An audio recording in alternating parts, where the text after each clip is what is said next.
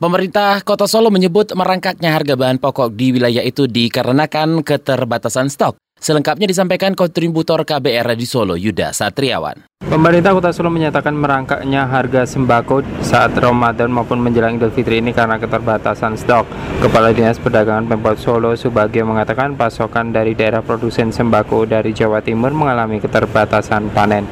Menurut Subagio, Pemkot Solo akan berkoordinasi dengan daerah pemasok dan mencari upaya lain untuk mengendalikan harga sembako. Kaitan dengan antara ketersediaan, ketersediaan barang yang ada.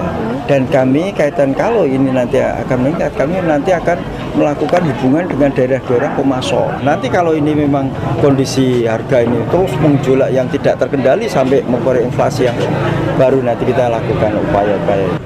Sebagaimana diketahui harga sebagian bahan pangan pokok atau sembako di Solo mulai merangkak naik, antara lain cabai, telur ayam ras, gula pasir, daging ayam, tepung, dan sayuran.